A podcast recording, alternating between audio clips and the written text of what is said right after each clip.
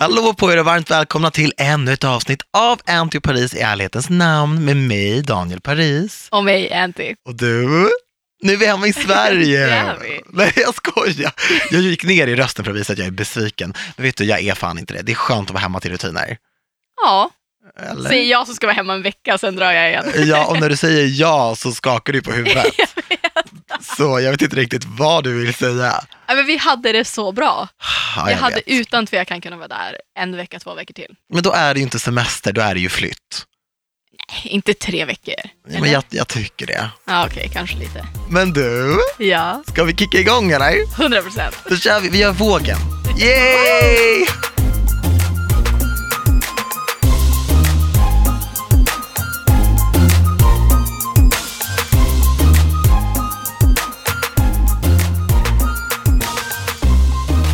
Jag tror ju att det här har varit den bästa semestern i våra liv typ.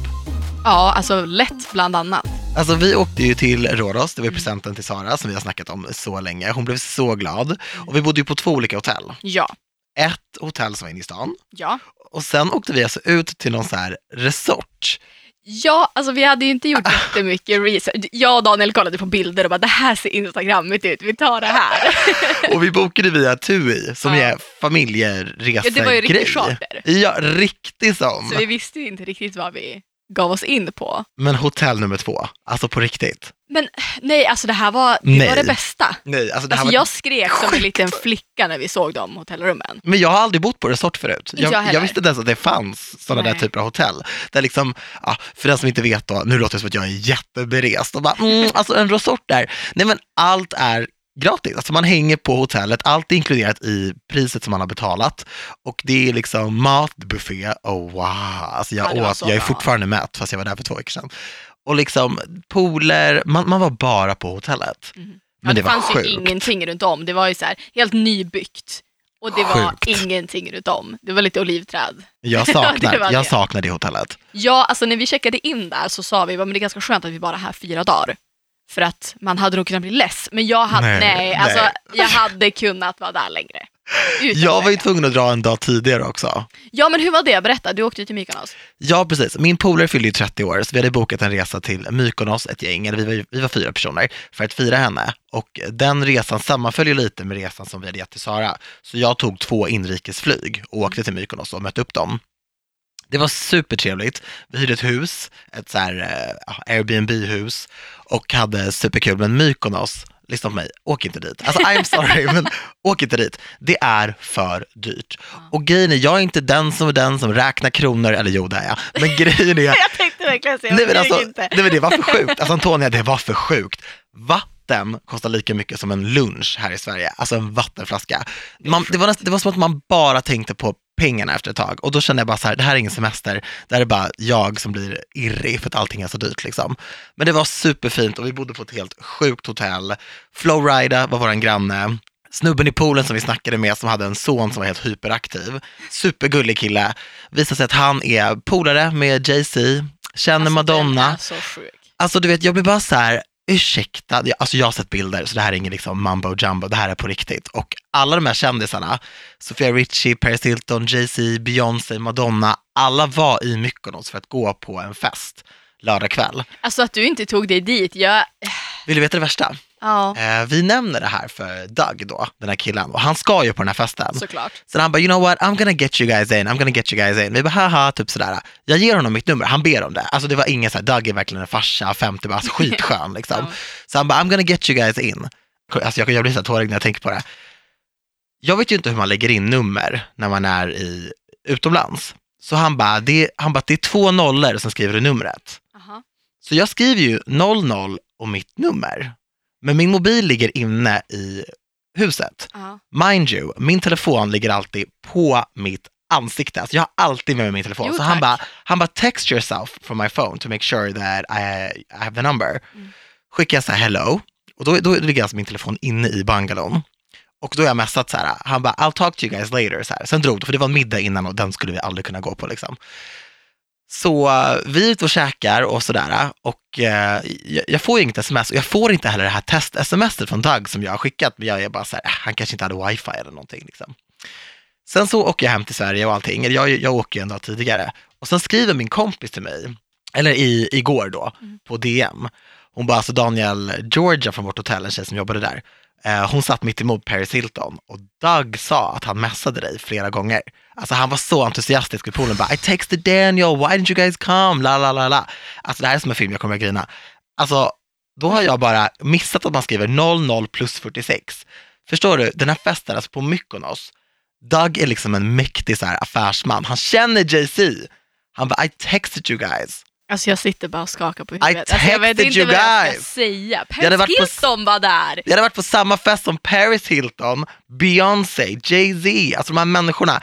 Var, varför kan inte jag bara ge rätt nummer? Men jag Ja. sa också till mina polare, jag bara, för jag och Doug vibade fett mycket och snackade jätte- jättemycket. Så han bara, let me get your number. Men varför kunde inte mina polare bara gett sina nummer så hon visste hur man gjorde med 00 plus 46? Ja, men, alltså.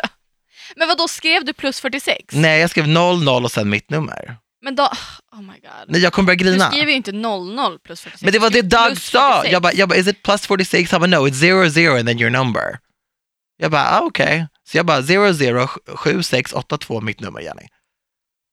Nej, alltså nej. Jag blir, Alltså jag blir så arg när här ska inte hända. Men förstår du att han skickade sms? Alltså det är det som är det värsta. Han skickade adressen. Han bara, kom nu, Mykonos är en liten, liten ö. Vi hade varit där på fem minuter. Ah, Samma alltså- fest som alla de här stjärnorna. Alltså jag svettas. Så det här får inte hända, men det är det jag säger. Varför lägger folk över saker i mina händer? Give him your number. You give him your number, Nina. Varför ska jag göra det?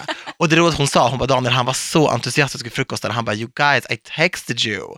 I texted Daniel. Det gör typ, Jag kastar min penna i golvet precis. Du får åka, då måste du åka tillbaka. Nej men det är för dyrt, jag har inte råd. Jag Du kan inte åka du får tillbaka. skriva till Doug på DM och så får du, var Ja. bodde de? De bodde väl i USA någonstans? Ja, Doug, bo- de är från eh, Connecticut. Men han Ah. är alltid i New York och så här, Ah, men can i have. Doug's number? I don't have it! I don't have it! Alltså jag kommer att gråta. Om jag, jag skickar ut sms, men jag hör inte hans nummer, jag svettas. Jag svettas. Alla var där, Sofia Richie, Paris Hilton, jag, man har ju sett dem checka in också på. Eh, alltså det här är bara för sjukt. Förstår du, Paris Hilton var där, jag tog mitt namn efter henne. Ja. Jag svettas, jag måste fläkta mig själv. Men Hur hade ni det sista dagen? Vi hade det jättebra. Det var Ja. inga kändisar på vårt hotell. Nej men det var inte på mitt heller. Jo, Flow Rider, men jag såg honom inte. Nej, vi låg vid poolen, vi drack mojito och vi bara tog det så lugnt. Det känns som att man verkligen kommer minnas den, den här veckan, eller ja, tio dagarna för mig, livet ut. 100 procent. För evigt. För evigt. Jag kommer typ hålla kvar vid känslan jag hade när jag var där. För att jag var så avslappnad. Ja. Och jag var i så, så härlig sinnesstämning bara. Men kände du lite att sekunden du landade på Arlanda, att stressen bara kom krypandes? Faktiskt inte. Jag har känt det.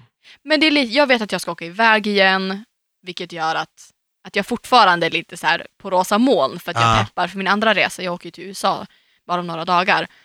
Vilket gör att jag är fortfarande, jag är inte i hemma-mode helt och hållet för Nej. att jag vet att jag ska iväg. Nej, men det fattar jag verkligen. Och man måste verkligen hålla i semesterkänslan länge. Ja. Men det här var också min första sån där riktig resa, du vet när jag inte så här, att jag bara liksom åker till Atens flygplats och bara tar ett flyg, möter upp kompisar, tar ett till flyg och möter upp kompisar. Alltså jag har ju alltid varit så himla rädd för att flyga. ja men jag frågade ju dig när du kom hem, så här, hur gick det att flyga? Och du var ändå helt odramatisk, bara, det gick bra. Men vet du vad jag tror? Alltså på riktigt nu, att ha rest med dig och Sara och också mina andra vänner, men som alla samtal vi har haft om att vara eh, kroppspositiv, att ta tag i sina rädslor, att bara leva ut fullt ut.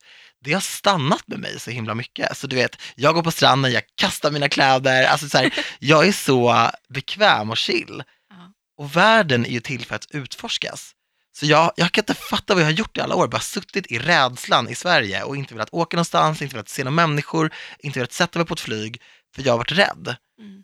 Och du vet, inte konstigt att jag inte visste hur man skulle ge mitt telefonnummer på amerikanska. Jag har aldrig varit i den situationen. Jag har bara gett mitt nummer till svenskar i Sverige. Ja.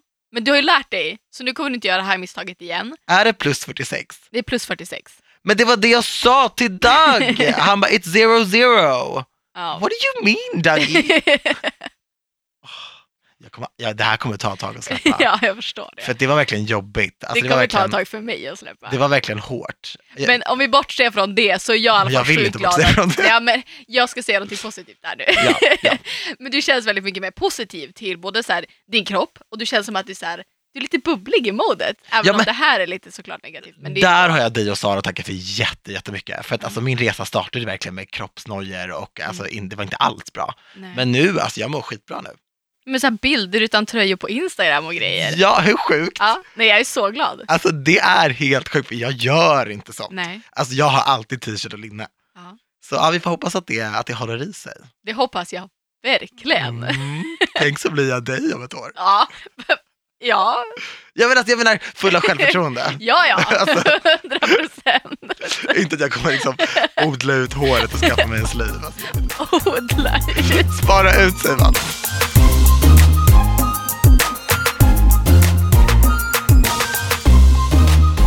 Men det här leder in oss på veckans podd. Ja, Kan inte du berätta om eh, det? det, det här var ju faktiskt eh, inte ens vår idé. Nej! Den här idén kom ju från Annika. ja, Så att shoutout Annika, tack så we jättemycket. love you. Det här var en sån bra idé. Ja. Vi ska prata om meningsfulla datum. Yes. Så vi har samlat fem datum var. Mm. Så, och vi ska berätta vad, vad hände på de här datumen som Ja, sitter kvar med oss. men skulle du vilja börja? Det kan jag absolut göra. Jag är så pepp på att höra nämligen. Ja, alltså mitt första datum känns ju ganska självklart. Mm. Det är 2015 04 28.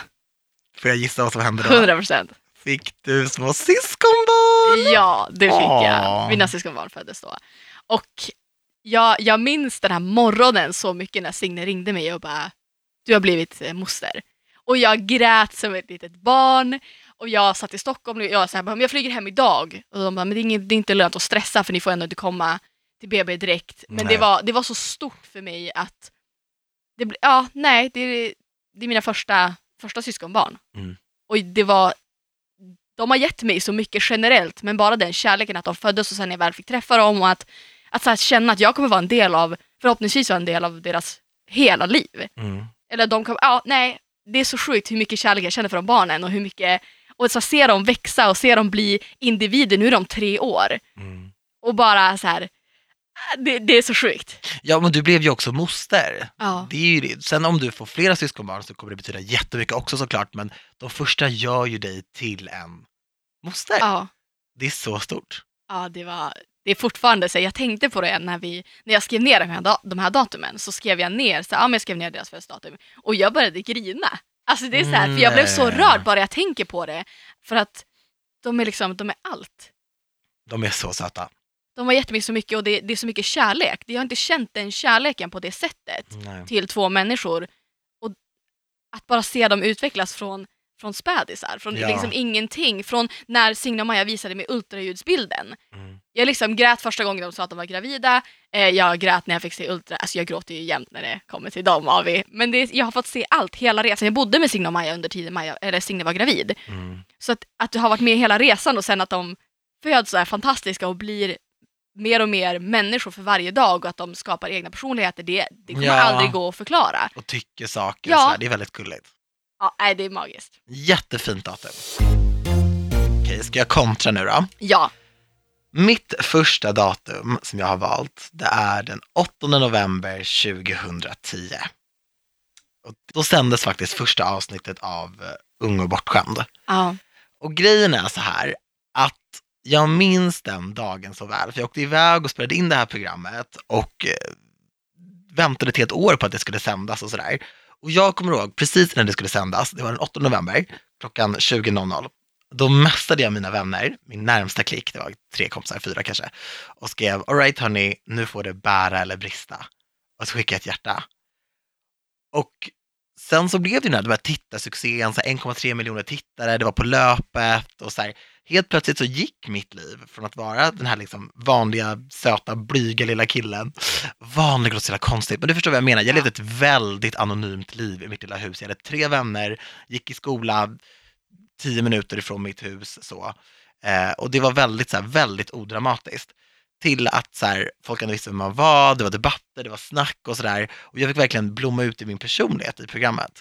Det förändrade mitt liv så, så, så mycket. Och än idag kan jag få frågor om det där och bara, ja men det känns som att så här, skäms du inte lite, nu kan du ju bara låtsas som att du inte har varit med där och, och, och nu när du gör så här creddiga grejer. Alltså jag skäms inte för fem öre, jag är så tacksam för det som det förde med sig. Mm. Tänk vad jag har fått göra, alla människor jag har fått träffa. Ja. Jag hade aldrig suttit här med dig, jag hade aldrig fått testa mina vingar i den här branschen som jag aldrig skulle vara i. Om jag inte bara hade tackat ja. Ja. Och det värsta med det där är att jag först tackade nej. För att jag var en sån sant? trygg person och var bara så här, nej men jag vill inte vara med i någonting, så här, jag, jag ska inte hålla på. Och sen så bara gjorde jag det. Alltså jag kommer ju ihåg, jag kollade ju på Unga Börsen när du var med.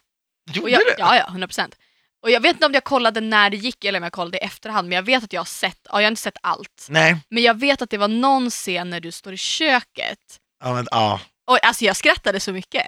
Alltså Ja, jag tyckte att det var så sjukt Jag, hittade, jag hittade typ matrester och bara, ah, vad är det för jävla spökkök? Jag hade ju aldrig stått i ett kök förut. Nej men alltså det är så, det är så kul. Alltså jag, jag kommer bara ihåg hur mycket jag skrattade åt det där. Ah. Och det är så sjukt. Och jag tror inte jag reflekterade så mycket, jag bara tittade så här, haha kul. Och sen så hade jag inte så stor koll på dig. Nej, Eh, men sen, det är ändå komiskt att tänka att jag har sett det för så länge sedan och nu sitter vi här och poddar. alltså det var ju typ nio år sedan. Liksom. Ja, Jag kan inte fatta det. nej. Jag kan verkligen inte fatta det. Ja, men fattar du ändå hur, så här, hur långt borta men ändå så nära? Jag vet! Ja men det, det är så sjukt. Och tänk för alla som kollar på TV idag, att, så här, att för dem att tänka att okej jag skrattar åt det här programmet, jag tycker att det här är en härlig person.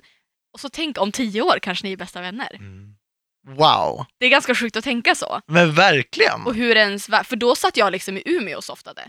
Men så där kan jag också känna med saker, folk man har sett och sådär. Och sen så bara, ja ah, men gud, jag har hennes nummer. Ja. Alltså du vet, man bara, va? Nej, alltså jag är lilla Daniel från huset i förorten. Ja, för jag tror att det är framförallt med oss att vi är väldigt så här, vi är ju fortfarande samma personer. Exakt. Och jag kommer aldrig inte vilja vara den jag var Nej. när jag liksom gick i nian. Nej. Till exempel. Att jag kommer alltid vilja hålla kvar vid den personen jag var. Ja, Och jag kan ju så titta på gamla serier och gamla videobloggar till exempel och känna samma känslor som jag Mm. kände när jag såg dem. mm. Och det är så sjukt, men jag älskar det. Men det är så fint också för att i regel, jag menar, du skulle kunna typ radera gamla grejer. Jag hade Ja, kunnat ja. välja helt andra datum och låtsas som ingenting. Men Mm. jag skulle aldrig kunna göra det. Nej. För att oavsett vad, the good, the bad and the ugly, det har ju gjort den till den man är. Det har ju fört med sig saker och ting. Ja. Så uh, nej men jag står för det.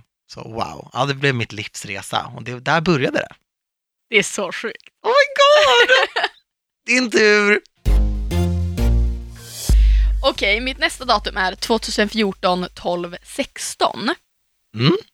Och eh, det datumet så nådde jag 50 000 följare på min YouTube-kanal. All right. Och det var liksom det första stora milstolpen att nå 50 000. Det är jättemycket. Och det var också i samband med det som jag eh, sa upp mig från eh, mitt vanliga, inom citattecken, jobb. Ja, kundtjänst. Nej, då jo- jobbade jag i reception. Okej, okej.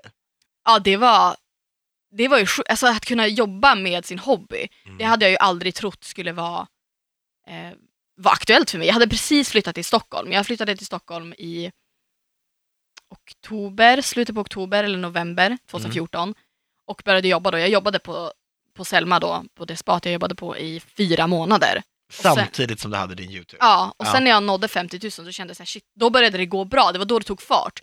Det tog eh, för mig kanske, ja, jag vet inte hur många år att nå 50 000 och sen tog det ett halvår för mig i princip att nå eh, från 50 000 till 100 000. Oh, wow. Så det var ju inte bara, det var ju också Youtube tog en hel vändning då. Det blev mer populärt med Youtube. Men det gick så fort efter 50 000. Ett halvår, alltså, Ja. det är 20 000 i månaden. Det gick jätte, jättefort. Jag tror att det var ett halvår i alla fall. Någonting Men det är ändå åt det. Fantastiskt. gick jättefort. Ja. Så jag vet att när, men när jag nådde 50, det var, det var verkligen så här en surrealistisk... Och se, gå in och se sig så 50 000 där, då kände man så här, Mamma, I made it! ja. Så det är nog i samband med att så mycket hände just då att jag kunde säga upp mig från mitt jobb och satsa helhjärtat på det här. Och det är så sjukt att det är, det är fyra år sedan, Mm. snart. Visst har det gått fort? Ja. Wow. Men jag är så imponerad av YouTube och YouTubers, för att alltså många av oss andra rävar, alltså vi har ju fått mycket exponering i media och man har fått synas och höras och visa upp sin personlighet och sådana där saker och fått ett följe så. Men jag menar, de allra flesta YouTubers, om inte alla, ni är ju verkligen self-made. Man har skapat content själv, nått ut med det själv, sett till och liksom, alltså jag är så imponerad. Så duktigt. Ja, alltså jag, tror inte, jag tror inte att youtubers ger sig själva tillräckligt mycket cred när man har Nej. kämpat för det. För att jag det tror tror inte jag heller. idag så tror jag att man ser på att man vill ha snabba följare, man vill ha siffror fort. Ja. Alltså när det har tagit längre tid så tror jag man är med sig lite mer lojala följare kanske. Så behöver det absolut inte vara så. Men jag tror man uppskattar det lite mer också när Mm. man har kämpat för det och Mm. inte så här, här har du följare, varsågod. Men är det därför man ibland kan så här, klicka in på ett klipp där det är så här, jag dog nästan, och så visar det sig att man har stått inne på Chanel och fått se en väska och så dog man nästan för att man blev så glad. Ja, alltså klimatet Jag generellt klickar ser ju, men Ja. jag menar jag blir så här, "Oh, jag känner mig typ lurad ibland. Ja, men klimatet ser annorlunda ut. Förut var det verkligen samma sak med Instagram. Vi, Ja. ju, vi satt ju på balkongen i Rhodos och kollade på våra gamla, scrollade tillbaka Ah, till typ våra första Det bilder. var så kul! Och då hade man typ så här 5000 likes. På en colaburk. Ja, och det var så här, va? Ja, För då fick man likes på ett helt annat sätt än vad man Ja. får idag. Och samma sak, man får visningar, fick visningar på ett, jag kunde lägga upp en så dåligt producerad video med dåligt ljus, dåligt ljud, där jag sitter och pratar om vad jag ätit till middag, i princip. Och ändå få mycket visningar. Mm. Medan idag, om man gör en välproddad video som man är skitstolt över, så får man 20 000 visningar. För att, för att det, det ser inte likadant ut. Idag vill ha folk de vill ha action, de vill, de vill ha så här typ nära döden upplevelser för att det ska Ja. vara... Och det är för att det, utbudet är mycket större och ja, det förändrats. Så därför måste man kämpa lite mer för att Mm. så här, locka till sig följarna. jag hänger med liksom. Ja, men det är lite sorgligt, för jag sa det i min, jag har inte lagt upp den videon än, men jag har filmat den, att vill man inte supporta dem man följer, tänker jag, varför lägger man inte en like på Instagram? För man ser ju bilden. Nej. Och jag kan också vara dålig på det. Att så här, men jag, jag kan så här, kommentera en bild och så glömmer jag att likea den. Men det är så konstigt, att, för jag ser ju att ja, men kanske 150 000 har sett min bild Mm. och jag får 10 000 likes. Man Men- ska inte vara sån, men det är konstigt! Nej men det ligger verkligen någonting i det du säger, det här med just att supporta. För Mm. att, alltså, det håller jag faktiskt med om. Det är samma sak när man ibland gör kampanjer, Ja. samarbeten och märker att man knappt får några likes. Det är ju för att folk kanske känner så här, ja men gud du, du ska inte tjäna pengar på oss eller så här. Men, men så här, jag fattar det tänket, men det är lite så här, ja fast jobbar man med det här så man måste ju också försörja sig. Alltså jag, Ja. jag kan inte bara sitta och instagramma och fippla och göra saker utan att få betalt. Det finns ingen som gör en tidning utan annonser på det sättet Nej. heller. Alltså, Och i en drömvärld, om man gör ett samarbete med ett företag i månaden som man verkligen älskar och företaget ser att följarna supportar det, då klarar man sig på att göra ett samarbete. exakt. Men om folk inte vill supporta så kanske det leder till att man måste ta tre samarbeten den månaden istället för att Exakt. Det funkar ju lite så. Och det är ju ett jobb, det går inte att, att låtsas som att det inte är ett jobb längre. Nej. För att det är ett jobb och vi måste tjäna pengar. Och jag tycker det, jag tycker det är konstigt för att alla jag följer vill jag jättegärna supporta. Jag älskar att Ja. se att det går bra för dem. Och jag tänker aldrig att de utnyttjar mig för att de skapar ju allting i princip för mig. Exakt. Allt jag tittar på har de gjort för mig. Exakt. Och då ska jag inte vara såhär, jag ska absolut inte lajka den här för att de får betalt. Jag är väl jätteglad att de får betalt så att de kan fortsätta göra det de gör, för min skull. Oh, så bra sagt. Så bra sagt. Jättelång utläggning om mitt datum. Men eh, vad är ditt nästa? All right. 23 april 2012. Då startade jag faktiskt min Instagram. Och grejen är ju, nu tänker man sig, jaha, okej, hur kan det vara ett betydelsefullt datum? Men Instagram för mig har verkligen betytt så, så, så mycket. Även när jag hade 2000 följare, även när jag hade 200 följare. Att kunna ha Instagram, för jag minns att när jag växte upp, jag kände mig som, det här har jag pratat om tusen gånger i podden och nu är det säkert många som bara, ugh, gud ska du börja hålla på och gråta ut. Men så här, jag kände mig väldigt ensam och och jag växte inte upp med internet. Mm. Det fanns inga eh, persiska homosexuella killar där jag var och det fanns absolut inte sådana på nätet. Det fanns inga eh, sminkade killar, det fanns inga eh, människor som var som jag var, trodde jag. Det är klart att vi- vi fanns, men jag hade ingen samhörighet någonstans. Instagram, där var ju bara trygghet och identifikation och allt det där, det var ju bara ett klick bort. Ja. På samma sätt som jag också kunde samla inspiration, kraft och styrka. Allt det kunde jag göra bara genom att öppna min telefon. Två klick bort Mm. kunde jag se folk som var som mig, jag kunde prata med dem, jag kunde interagera med dem, jag kunde förstå att jag också var okej. Och med åren så har jag ju verkligen märkt också att jag kanske, nu låter det som att jag eh, tutar i min egen, tuting my own horn, men att jag faktiskt också har kunnat bli en sån person för många. Mm. Och det har jag märkt på den responsen som jag har fått för att folk har sagt det till mig. Folk skickar den typen av DM som jag skickade till folk när jag Ja. var liten. Mm. Eller yngre i alla fall. Eller ville skicka när jag var liten i alla fall, fast då Mm. fanns det inte. Och det är, det är tack vare Instagram, det är tack vare Ja. internet. Och nu är jag ju verkligen, förut hade jag en period när jag instagrammade som att det bara var ett arbete. Ja. Men nu instagrammar jag verkligen som att jag hade typ fem följare. Ibland skriver jag ut lite för mycket kan jag känna. För ibland tänker jag typ att det är du Sara och två till som läser. Ja. Men så här, ja, jag är så glad att jag gjorde det. Ja. Kan inte du också känna att det är så här, Det, det det är så skönt göra. att man har det här? Ja men så kan jag tänka med min YouTube-kanal till exempel. Mm. Jag startade den för att lägga ut tramsiga videos. Mina första videos var när jag la ut på när vi hade varit firat midsommar och jag irriterade en tjejkompis till mig. Mm. Jag la upp det och tyckte det var jättekul och typ jag filmade i, mina, i mitt klassrum när jag drog en i håret. Alltså det var så här, Med mobilen? ja, det var så löjliga videos att de finns ju inte kvar idag. Nej. Men jag hade bara den här YouTube-kanalen för att så här, lägga upp roliga klipp som de i min klass skulle kunna skratta åt. Men jag fattar vart det tog dig. Ja! Det, var, nej men det är så sjukt. Det är sjukt. Och tänka så alla gånger man har, alltså, det finns ju så mycket videos som inte finns kvar på YouTube på mig där jag bara så här, ah, gjort dumma grejer, eller inte dumma grejer men jag har dummat mig bara. Typ, Det Ja. har varit ingen, inget värde överhuvudtaget i de videorna. Men hade jag inte gjort dem så hade jag inte suttit här idag. Nej. Och det är sådana små grejer, så impulser och idéer man får, man ska aldrig förminska dem. Men vill man göra någonting, gör det. För man kan alltid sluta. Mm. Men man kan inte gå tillbaka i tiden och göra någonting som man inte har gjort. Men var din klass stöttande? Eller var de bara så här, vad fan gör du? Uh, att du bashade dina grejer? Nej, alltså de har aldrig, de har aldrig bashat det jag har gjort. Nej. Ja, men de har inte fattat riktigt. De sa ja, ja, du filmar, kul för dig. Alltså de har ju Ah. aldrig reflekterat över vad jag gjort i princip. Vi var en ganska så oklar klass generellt, Mm. så det var, vi hade inte så mycket Alltså var man där så var man där och ibland så kom man till lektion så var tre personer där så jag hade inte så stor folkmassa att förklara mig för. Men det var ingen som liksom tryckte ner dig? Nej, det, var, det har det aldrig varit. Alltså, det har inte varit det generellt så mycket när jag har gjort det. Jag har gjort det när jag hade min blogg innan. För det- var någon som kunde varit så här, vem tror att du är? Tror att du sitter och leker ball, typ. Mm. Men det tog jag, det kryddade mig bara. Så att jag svarade ju och bara, vem tror du att du är? Ursäkta? Du känner Mm. inte, alltså jag har svarat så kaxigt på så många kommentarer i mitt liv. Men jag ty- och det, det var ju lite min grej, det blev så, folk tyckte det var kul att jag Mm. svarade med skinn på näsan och inte så här grät ut och försökte rättfärdiga att jag hade en blogg eller hade en YouTube-kanal. Det var så här, jag får göra vad fan jag vill. Kom inte till mitt, det är verkligen så här, kom inte till mitt space och var negativ. Nej. För du, du behöver inte vara här. Det här är för mig. Jag gör det här för att jag tycker det är kul och för de som tycker att det är kul. Mm. Det är exakt samma sak på Instagram idag. Om du inte gillar det jag gör, försvinn då. Ja. Alltså det är så enkelt att klicka ner en video eller följa någon annan på Instagram. Jag förstår inte värdet i ja, att... du är inte den enda med Insta liksom. Nej, Nej. nej men jag förstår generellt. Varför går Just man in go. på någons Instagram eller. YouTube-kanal och tar sin tid? Jag kommer aldrig kunna förstå det. För att det är någonting någon har byggt upp oavsett om man har fem följare, tio följare eller hundratusen. Det är ändå deras egna space. Ja. Liksom. Och man gör det för att man tycker det är kul och då att någon tar sin tid att sprida negativitet. Jag kommer, det kommer aldrig vara logiskt i min, Nej. min hjärna.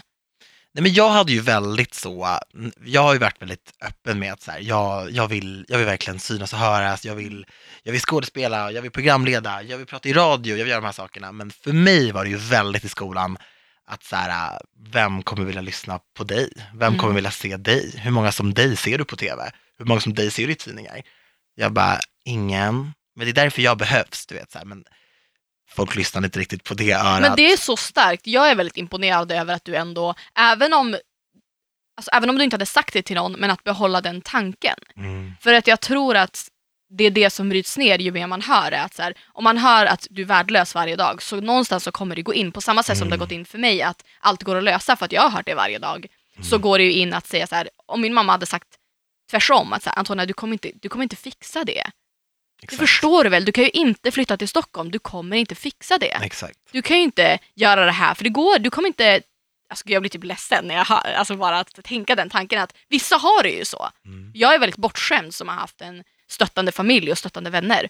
Mm. Och du, har- alltså, att du har lyckats hålla kvar den tanken är för mig sjukt starkt.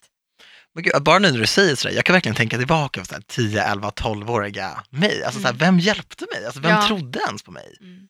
Ingen. Nej. Men det är nog lite som du säger, att man, man, man får någon slags revanschsug då. Ja. Att så här, men jag, jag ska visa er, det finns plats för mig. Mm. Det gör det, det finns plats för många som mig. Mm. Och kolla vart vi är nu, det blir ju bättre och bättre.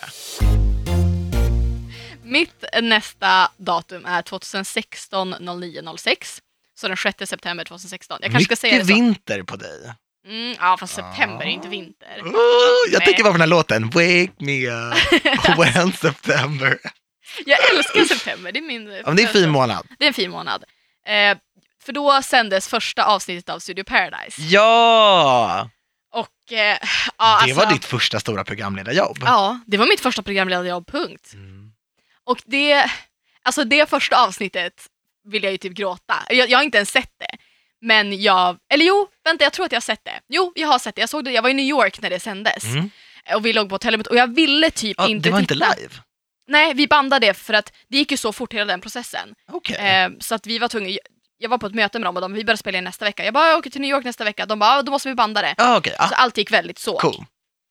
Eh, så vi kollade på det på hotellrummet, jag och Jakob i New York och jag hade väldigt, alltså jag, jag var så här, jag ville inte titta. Jakob jag bara, men det är klart vi ska titta. Jag bara, för jag vet, jag kände att det gick inte bra. Många olika anledningar, men jag, jag tyckte inte att det gick bra.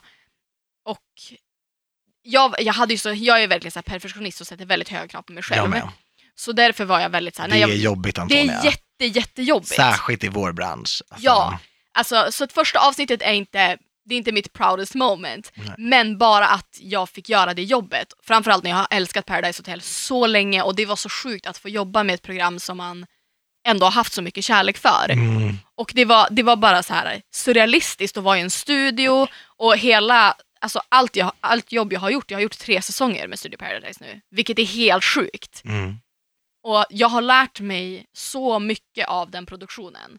Dels att jobba, alltså när jag gör mina YouTube-videos, jag gör allting själv. Jag sitter i mitt rum, jag redigerar, jag, jag gör allt Ja, från du gör allt. start till finish. Och sen att jobba med ett helt team, Mm. det är så annorlunda. Och sen att saker kan gå fel som jag inte kan rå för eller jag har ingen makt. Jag sitter där och vi är live. Vi har kanske bandat, ja, jag kan räkna på en hand hur många avsnitt vi har bandat av alla Mm. de vi har sänt. Och att så mycket kan hända live. Men jag, nu, Oh ja! ja, alltså så här, efter det jobbet så finns det ingenting som någon i princip kan kasta på mig som jag inte att jag klarar Nej, av. jag vet. Och jag är så evigt tacksam för den känslan att jag kan känna mig säker i princip vilken inspelningssituation Ja. som helst för att jag har fått göra det här. Ja. Och sen är det, för mig är det så stor prestige att få jobba med det programmet generellt för att det har så stor del i hela mitt liv. Mm. Så att det var ju verkligen, bara när jag satt på det mötet med, med dem så var det så här, what? Men vadå, jag- det är väl självklart att du ska göra det? Fast det är klart att det inte var självklart. Nej, jag vet. Jag vill bara hypa lite. Men jag, jag fattar vad du menar. Ja. Det är stort. Men live är den bästa skolan. Uff, Antonia, jag har gjort så mycket live radio, live tv. Det är 10 000 gånger så hårt Mm. som att banda in någonting. Att banda in någonting, du kan säga fel tusen gånger. Ja. Du kan säga något dumt tusen gånger om. Klipp, klipp, Ja. borta. Så många gånger som man har suttit. Vet, bemästrar man live, allt annat, det är bara en promenad i parken. Man bryr sig inte ens. För att det är så, det är så enkelt. Då kan man bara fokusera på den roliga delen. Mm. Medan med live, alltså, du vet USA, deras liveprogram, de här morgonsofforna och allting, de har fem sekunders fördröjning Ja. för att kunna klippa bort. Ja. Det finns inget sånt i Sverige. Nej, absolut inte. Och också när man jobbar med nya människor i varje avsnitt, du vet ju du också så här, Are You The One, det är ju inte Precis. bara din prestation som är programmet, utan du vet inte vad de kommer säga. Nej. Jag visste inte vad mina deltagare skulle och det är också så här, det är också live, jag måste bouncea dem. Ja. Ja, det, ja, magiskt. Så kul i alla fall. Så det var verkligen så här, det är generellt en milstolpe i mitt liv, punkt, för att det är så stort. ja, Det och det, är, det är ju ditt första programledarjobb. Ja. Det är superbra. ja. Bra milstolpe. Visst? Ja. Okej. 29 juli 2013. Då tog jag min socionomexamen. Eller jag, jag tog ju den då på, på vårkanten, men när man tar examen från universitetet så måste man kvittera ut den. Så man går in, man loggar in och så trycker man äh, hämta, Mm. hämta examen. Så då gjorde jag faktiskt det. Det är ju tre dagar efter min födelsedag. Mm. Och eh, jag minns bara att jag kände så här, got it Mm. tre och ett halvt års studier är över. Och jag bollade ju verkligen studierna och min mediala karriär som verkligen var i full gång då. Så det var ju verkligen så här, det var inspelningar innan skolan, efter skolan, under tiden. Jag fick pausa en hel termin för att jag, jag kommer ihåg att jag nästan gick in i väggen. Jag, jag skulle skriva min uppsats, öppnade en bok och kunde inte läsa det som stod. Jag, jag kunde inte läsa orden, så jag bara stod så här bara, det här går inte in. Så jag bara stängde boken, gick upp till min syo och sa att jag pausar det här nu. Mm. Jag måste ta ledigt och eh, fokusera på min hälsa. Men jag kommer tillbaka. Och för övrigt sitter det en bild på mig uppsatt utanför syon. Nej. Jo, Alltså det är helt sjukt, på universitetsnivå, sånt Det händer inte. Men där tycker jag ändå att du måste, jag måste bara påpeka att det är väldigt viktigt och väldigt starkt av dig att du kunde göra det. Mm. För att då kunde du sen fokusera på studierna istället för att Ja. bara så här, kriga ut det och inte göra sitt bästa och inte vara nöjd över sitt slutresultat. Jag grät ju när jag satt hos syon, för Mm. jag, bara, jag vill inte vara en sån som bara kämpar, kämpar, kämpar och sen ger upp det här och aldrig kommer tillbaka. Nej. För att jag har haft en negativ upplevelse, för att jag inte kan öppna en bok och inte kan läsa orden. Så jag, jag kommer tillbaka. Och syon bara, Daniel, alltså, jag har väntat på att du ska storma in här i, i, i två år. Mm. Bara, hur mycket gör inte du? Hur mycket är du inte iväg? Och så, hon bara, ta din tid. Jag vet att jag kommer se dig här igen. Mm. Och så var det ju. Ett halvår senare kom jag tillbaka, skrev min uppsats, fick ett högt betyg. Och efter det flöt det bara på, sen tog jag min examen. Och det känns så skönt, alltså jag har en utbildning, jag har kämpat och det är inte bara att jag är så här, man måste plugga, gör inte det om du inte vill, men för mig, allt det där slitet. Mm. Och också så här, universitetstiden för mig gav mig så mycket. Jag, jag fick ju en studentlägenhet, Mm. jag, hade, jag hade inte kunnat flytta hemifrån om inte jag hade fått köa till en studentlägenhet. Mm. Visst, det var 20 kvadrat liksom på Södermalm, men det var också den bästa tiden i mitt liv. Mm. Och jag kan tänka tillbaka på det och bara wow, och nu har jag en lägenhet 20 meter från universitetet Ja. där jag pluggade. Så jag, jag ser ju folk när de åker dit och bara, yay, ta vara på den här tiden för poff så är det över. Ja. Så ja, jag tog det datumet. Bra datum. Eller hur? Verkligen. 29 juli. Sjukt bra. Mitt nästa datum är den 29 februari 2016. Mm. För då fick jag nycklarna till min första egna lägenhet. Gud, jag ryser. Alltså då, ja, det är min första som jag köpte. Och jag, jag kommer ihåg hela den, jag kommer ihåg hela den dagen. Och vilken jävla lägenhet det är! Men det var, det var så sjukt, för innan den perioden, jag hade bott i kollektiv Mm. eh, och det, det funkade inte på slutet. Det var, Hur många var ni? I början så var vi fyra eh, och då bodde vi tre på heltid och en bodde halv tio. Han var där på helgen, han bodde egentligen i Uppsala. Ja. Och i början så var det så kul. Och jag Okej. hade inte så många kompisar i Stockholm så för mig så var det jätteskönt att jag inte var ensam. Nej. Och eh, sen så, det var så här, någon flyttade, någon flyttade in, sen flyttade en partner in, sen flyttade en annan portions partner in utan att så här, kolla med alla. Oj. Och jag jobbade hemifrån. Så det var så här, det Ah. var, på slutet så hade vi, tog vi inte, eller jag tyckte inte att de hade respekt för mitt jobb. Nej. Och det var bara så små grejer. Jag bodde ett och ett halvt år i kollektiv. Det är så mycket. Vi, alltså vi bodde ju ändå i ett hus, så vi bodde ju ja, inte... fast alltså. Nej vet, men vi, hade, Wow. vi hade ändå mycket space. Men det var ändå, vi gick, vi gick på varandra och de, de störde sig säkert jättemycket på mig också. Eh, så det funkade inte. Och den, jag vet att perioden från det att jag sa till så här, jag kommer inte kunna bo här mer. Då Mm. tänkte jag så här, okej, de kommer, jag sa jag börjar kolla på lägenhet men jag ska köpa lägenhet så det kommer ta ett tag för mig. Och tänkte så här, jag kommer hyra ut mitt rum då till någon annan. Ja. Men då vet jag att, då sa de så här, då säger vi upp hela huset. Vi säger upp kontraktet på Så huset. alla fick flytta ut? Ja, och då var det ju helt plötsligt tidspress. Så jag hade tre månader på mig att hitta en lägenhet som jag dels skulle vinna budgivningen på, Ja, ha råd flytta med in och som jag ens. ville bo i. Och det var så stressigt. Jag, hade, jag mådde så... I början så var det jättekul att gå på visningar. Det var superroligt. Det finns ingenting bättre. Jag älskar att gå på lägenhetsvisningar. Men sen så när det var en månad kvar och jag inte hade någonstans att flytta sen. Jag vet att jag ringde min syrra och grät och bara jag kommer behöva flytta hem till Umeå för att jag har ingen, kommer inte ha någonstans att bo. Och budade på lägenhet som jag verkligen älskade. Och jag trodde att jag vann den, så var mäklaren bara nej jag kommer visa den igen imorgon. Och då varför gör de ja, men jag vet inte. Alltså, Så där, vet du, jag har träffat sådana där mäklare också. Alltså, jag fattar att de bara gör sitt jobb, men jag tycker inte det där är rätt. nej, och det var också så, som, alltså, det var också en mäklare som så här, vet, smsade mig när han hade slutat jobba och bara hej vad gör du på kvällarna? Men gud! Ja, men, jag, men jag var såhär, okej skitsamma, smsa mig, det är okej så länge jag får Keep den här it jävla... professional, Jag vet, please. men jag var också såhär, bara, whatever, jag kommer bara vara, vara vänlig mot honom så att han liksom, ja, hjälper mig med lägenhet. Men så där ska inte du behöva känna. Nej, nej, alltså det var inte så det var inte min privata mäklare, det var inte så det var. Eh, jag hade ju, gick ju på massa olika visningar, men jag tror jag gick på tre av lägenhetsvisningar hos honom. Ja. Eh, och det var inte så att han var inte creepy, han raggade inte, utan Nej, han var såhär, nej, hur nej. läget, hur går det, bla bla. Eh, men ja, då blev jag så jävla besviken. Och jag Hur bara, då, går det? Man bara, det vet väl du? Ja, men det då, går inte då bra. gav jag upp. Så här. Jag bara, nej, det var, jag skiter i det, jag flyttar hem nu. Det är inte, det är, men- det är inte menat. Och sen så var jag, jag vet inte var jag var, men jag var bortrest och så hittade jag en lägenhet på, som jag bara, wow, det här är en superfin lägenhet. Och då var det vis, två visningar två datum när jag inte var hemma. Så jag ringde den här mäklaren och bara, kan jag få en visning till? Han bara, nej alltså jag visar den här bara de här två dagarna, det går inte. De vill sälja den snabbt. Det var inflytt då den 29 februari. Och jag var så här, kan jag buda på den här lägenheten utan att ha sett den? Han bara, ja, alltså kan och kan, det är klart du kan det, men ja, it's on you. Jag bara, jag vill lägga ett bud. Så jag köpte min lägenhet utan att kolla på den. Det är helt sjukt. och så vann jag budgivningen och jag vet att jag sa inte till någon att jag budade på den här lägenheten för jag vill inte jinxa det. Nej, man vill bara ha den. Och sen så, jag sa det inte till någon alltså. Jag åkte och skrev, skrev papperna till klockan sju på kvällen. Jag vet att, jag kommer ihåg det så väl också. Eh, jag vet att Vanessa låg hemma och var sjuk. Eh, och hon bodde med Jakob då. Och jag ringde Jakob på Facetime, han var på middag med jag tror hans faster och någon och jag bara ringde honom på Facetime han bara du vet att jag är på middag, vad gör du? Och jag bara visade permen och skrek. Jag stod utanför Åhléns city och skrek. Nej, Han bara, Åh, gud, vad menar du? starkt. Jag bara, jag har köpt lägenhet! Och så ringde jag Vanessa och jag bara, jag vet att du är sjuk men jag kommer hem till dig med champagne. Hon bara, kom hit! Så jag så här, kom hem, hon ligger i pyjamas, Åh, Gud vad skönt. vi skålar och sen fick jag nycklarna den 29 och flyttade in och när jag kommer in i min lägenhet, jag bara, ja, jag är hemma. This is it. Ja. Och fortfarande när jag kommer hem, typ när jag har varit och rest, så känner jag mig så jävla hemma där. Nej, men jag känner så i din lägenhet också, för den är så fin. Alltså den är helt sjuk. Den är ju den är fantastisk. Ja. Men framförallt så här, även bara känslan, för vissa lägenheter, man får en känsla av vissa Ja. lägenheter. Och jag har bott i, det här är min, ja, mitt fjärde boende, som har varit mitt eget.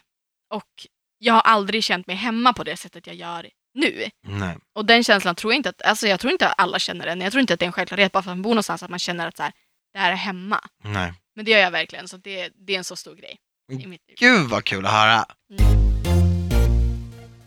Vi är lite, lite liksinnade tror jag. För att den 26 januari 2017 så köpte jag den lägenheten som jag bor i idag. Ja, Och det du beskriver med att man inte känner sig hemma, det har jag faktiskt känt. ja, men det vet jag ju att du har känt. Jättemycket. När jag bodde i studentlägenhet så kände jag mig hemma. Mm. Men sen när jag flyttade till min andra lägenhet, min etta i Skanstull, så mådde jag faktiskt inte så bra där. Nej. Det var inte en bra lägenhet, det var inte ett, en, en bra byggnad, det var väldigt mycket fylla och stök och eh, grannar och det var stölder och inbrott och det luktade rök i hela porten. Min mäklare var inte helt ärlig med mig Mhm. om hur det var där. Mm. eh, så.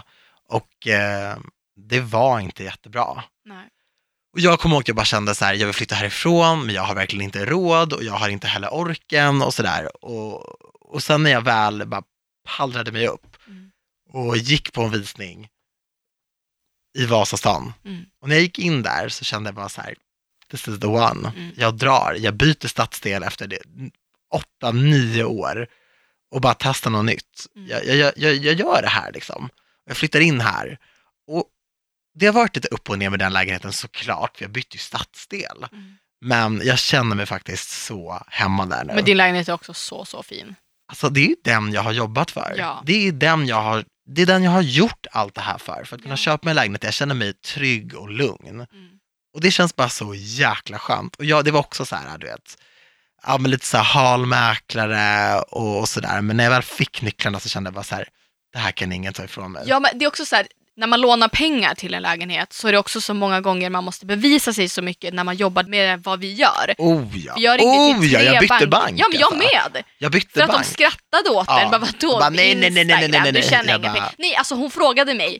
Du förstår att du måste betala pengar varje månad. Och så här, betalar du skatt på dina? Alltså du vet, det var så mycket. Jag bara, men snälla. Va? Skattar väl mer än vad de flesta Ja, gör. det är också så här, det var så, så mycket som man fick stå ut med Skandal. för att lyckas.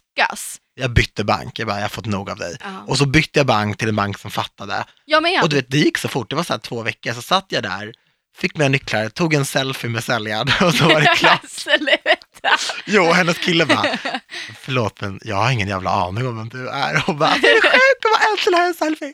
Jag Men, bara, eh, det brukar vara så. Men framförallt när det händer mycket i våra liv, att det är Ja. viktigt att ha en stabil punkt. Ja. Och sen är vi väldigt, väldigt lyckligt lottade som har haft möjligheten att köpa Ja. varsin lägenhet i Stockholm. Jag är så tacksam för det. Ensamma också.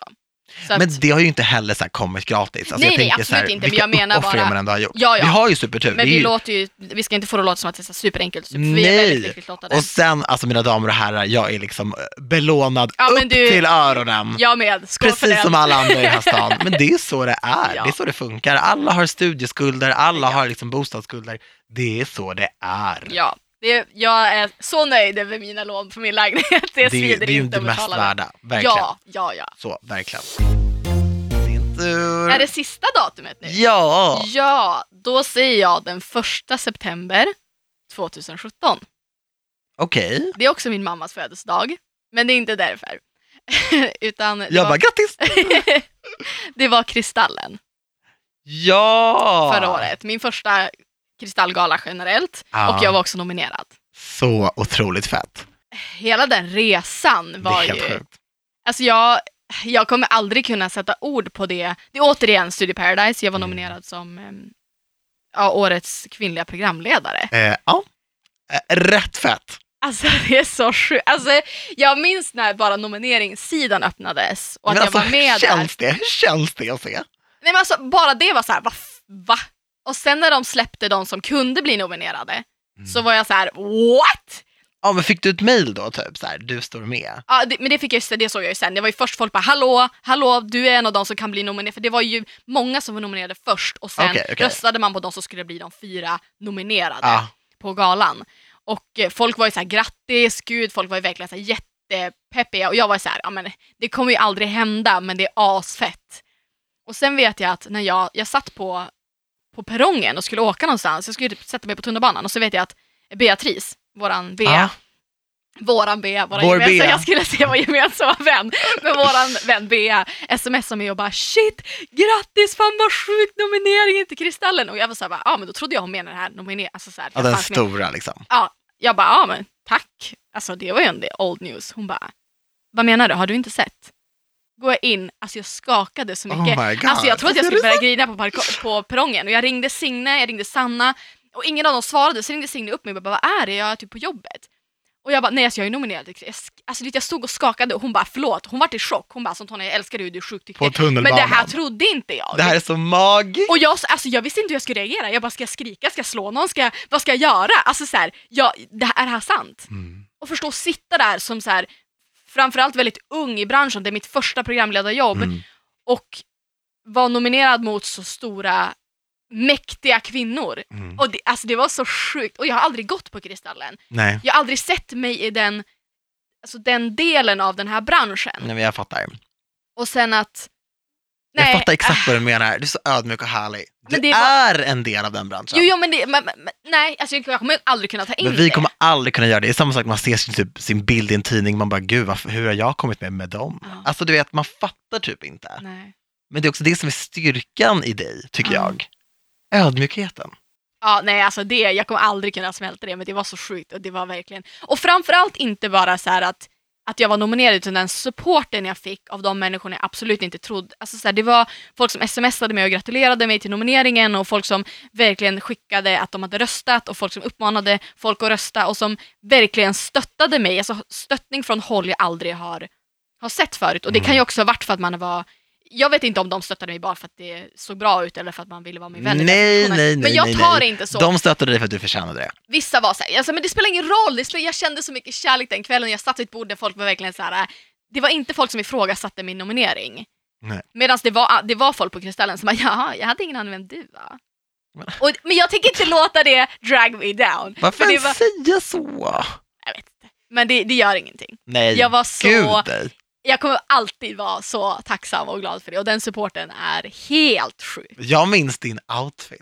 Alltså wow! Mm, Wow! Det, och nej, vill jag höra det sjukaste av allt? absolut. Jag haffade den här outfiten typ tre dagar innan. Alltså Ivy Revel, thank you Men den satt for som en saving my life. Nej, jag hade beställt klänningar och du vet, letat och ingen satt bra, ingenting var rätt. Så jag var såhär, jag, kommer- jag kommer inte kunna gå. Mm. Jag har ingenting på mig. Och sen så bara Ivy Revel, de bara, ja men du kom hit, vi har massa klänningar här, du får låna en, klän- en outfit av oss. Och så hade jag hittat en outfit på deras hemsida som var en klänning som var helt drömmig. Mm. Jag bara, oh my god, har ni den inne? De bara, nej men vi har massa andra. Kommer in där, de bara, vi har den. Som jag hade sett. Jag bara, "Åh, den blir det! Går in och så ska prova den. Och jag bara, "Det- jag kommer aldrig komma i den här. Så den passade inte, den var för liten. Jag bara, Okej. okej, I'm screwed. Och återigen då, jag bara, nej alltså jag, jag vet inte vad jag ska göra, jag kommer, jag kommer börja gråta. Och då kommer hon med de här byxorna. Och jag bara, och det är som Michael Jackson. Ja, ja, jag sa de där byxorna. Hon bara, jag tror att det finns en kavaj till. Jag bara, sluta! Det kan inte finnas en kavaj till. Alltså jag, Jag tror aldrig att en outfit har känts så mycket gjord för mig som den där outfiten. Den såg ut att vara skräddad för dig. Men alltså vad är oddsen? Men du vet att Gina Dirawi, the queen of TV, har haft den när hon presenterade Sveriges resultat i Eurovision Song Ja, Contest. jag vet! Mm. Vilket år var det?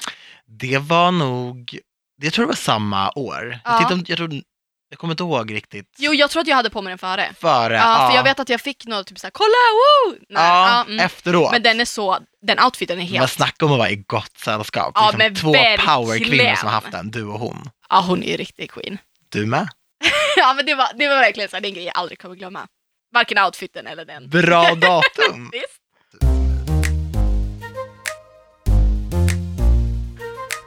2 september 2016. Då åkte jag till Paris för första gången. Ja. Och jag minns att jag tyckte det var så stort att få åka till Paris. Just för att jag, jag heter Daniel Paris, det är ju efter Paris Hilton, men det är ändå så här, jag satt och tänkte på min Instagrambild, Paris i Paris, du vet så här. Och bara att få vara där, det var min första så här vuxensemester med en kompis som inte var med familj och som inte var på jobb, utan det verkligen var så här, vi har inte så mycket planerat. Så vi bara strosade runt i så här, ganska så här, jag hade lånat massa så här fashion outfits för att så här, gå runt och du vet så här, jag hade precis börjat jobba på radion kommer jag ihåg också, så jag var så här, väldigt så här, fnissig och glad över det. Det var en väldigt fin resa. Mm. Jag var där med Genoa Thåström. Mm. Eh, hon bor inte i Sverige nu, men vi var väldigt tajta när vi åkte. Så det var så här våran kompisresa typ. Det är min, min bakgrundsbild är tagen där Ja. när jag sitter och kollar på Eiffeltornet.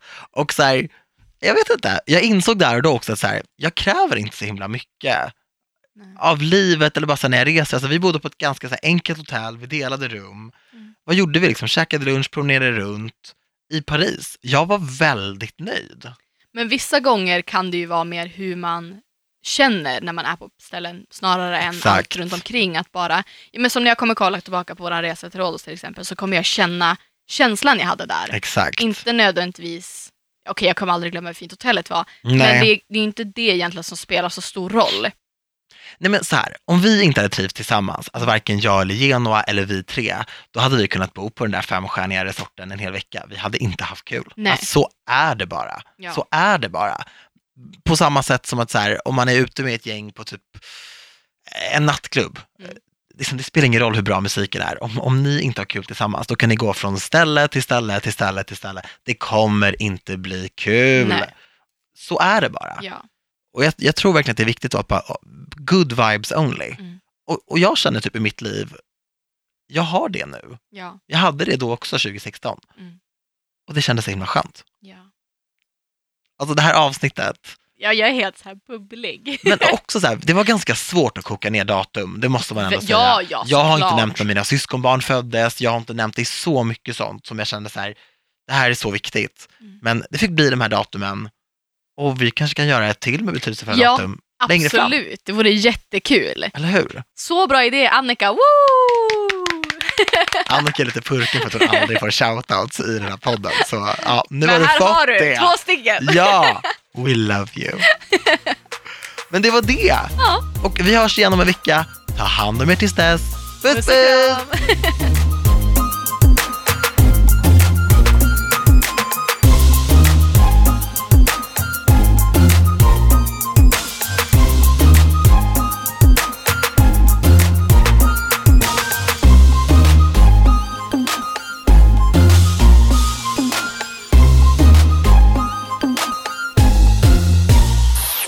produceras av I Like Radio. I Like Radio.